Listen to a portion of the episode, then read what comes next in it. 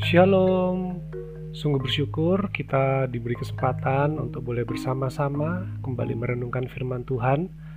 Saya akan memberikan panduan bagi kita untuk bersama-sama merenungkan dari kitab Hakim-Hakim pasal yang ke-16 ayat 17 hingga ayat yang ke-22. Hakim-Hakim pasal 16 ayat 17 hingga ayat yang ke-22 maka diceritakannya lah kepadanya segala isi hatinya katanya kepalaku tidak pernah kena pisau cukur sebab sejak dari kandungan ibuku aku ini seorang nazir Allah.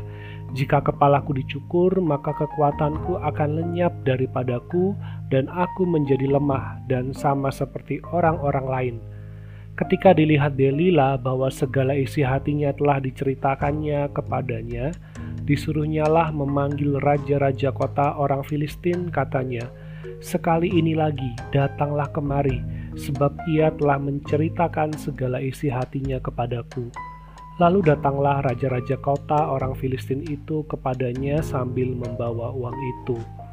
Sesudah itu dibujuknya Simpson tidur di pangkuannya, Lalu dipanggilnya seorang dan disuruhnya mencukur ketujuh rambut jalitnya, sehingga mulailah Simpson ditundukkan oleh perempuan itu, sebab kekuatannya telah lenyap daripadanya. Lalu berserulah perempuan itu, Orang Filistin menyergap engkau, Simpson. Maka terjagalah ia dari tidurnya serta katanya, Seperti yang sudah-sudah, aku akan bebas dan akan meronta lepas tetapi tidaklah diketahuinya bahwa Tuhan telah meninggalkan dia. Orang Filistin menangkap dia, mencungkil kedua matanya, dan membawanya ke Gaza. Di situ ia dibelenggu dengan dua rantai tembaga, dan pekerjaan di, pekerjaannya di penjara ialah menggiling. Tetapi rambutnya mulai tumbuh pula sesudah dicukur.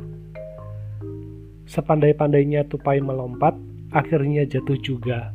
Peribahasa ini mungkin merupakan salah satu peribahasa yang cocok untuk menggambarkan kecerobohan dari Simpson.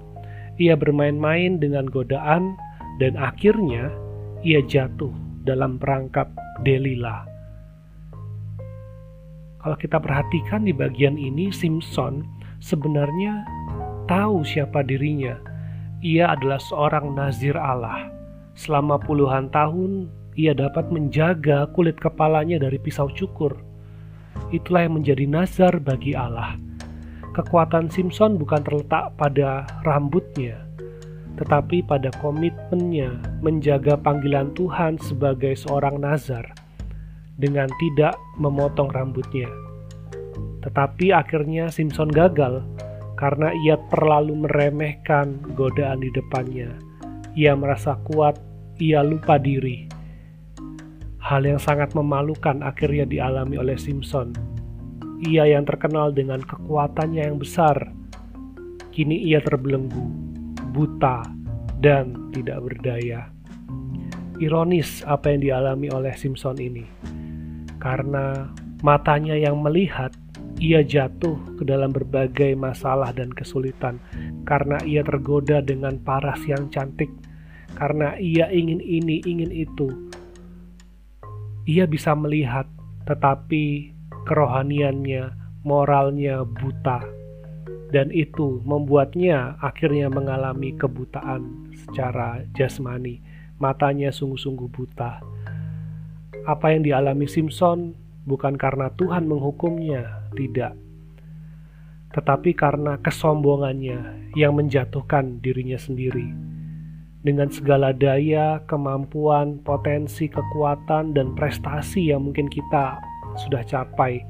Jika kita tidak waspada dan membiarkan godaan itu menguasai kita, kita juga bisa bisa saja mengalami apa yang dialami oleh Simpson. Oleh sebab itu, mari kita waspada terhadap diri kita, waspada terhadap godaan-godaan yang ada di sekitar kita, tetap bersandar pada Tuhan. Simpson gagal. Simpson kehilangan kekuatannya. Tetapi kita juga melihat bahwa Tuhan tidak tinggal diam. Simpson yang terbelenggu di penjara tidak bisa berbuat apa-apa, tetapi Tuhan tidak meninggalkannya. Ayat 22 mencatat, tetapi rambutnya mulai tumbuh. Sekali lagi saya ingatkan bahwa kekuatan Simpson bukan berada di rambutnya. Bukan rambut yang menjadikan Simpson kuat, tetapi dengan pertumbuhan rambut itu, Simpson mengingat lagi akan siapa dirinya. Tuhan berkarya melalui hal-hal kecil, termasuk ketika rambut Simpson tumbuh, ia boleh mengingat kembali siapa dirinya. Seorang nasir yang dahulu menjaga akan kulit kepalanya dari pisau cukur. Dan itu mungkin menguatkan kembali hati Simpson, mengingat dan menguatkan dia untuk melihat kembali, memanggil nama Tuhan. Kita menjadi orang Kristen bukan karena kesempurnaan kita. Kita menjadi orang Kristen bukan karena kebaikan kita. Kita menjadi orang Kristen bukan karena ketaatan kita. Kita menjadi orang Kristen, kita menjadi pengikut Kristus karena pengampunan yang Tuhan berikan, karena kita sudah diampuni.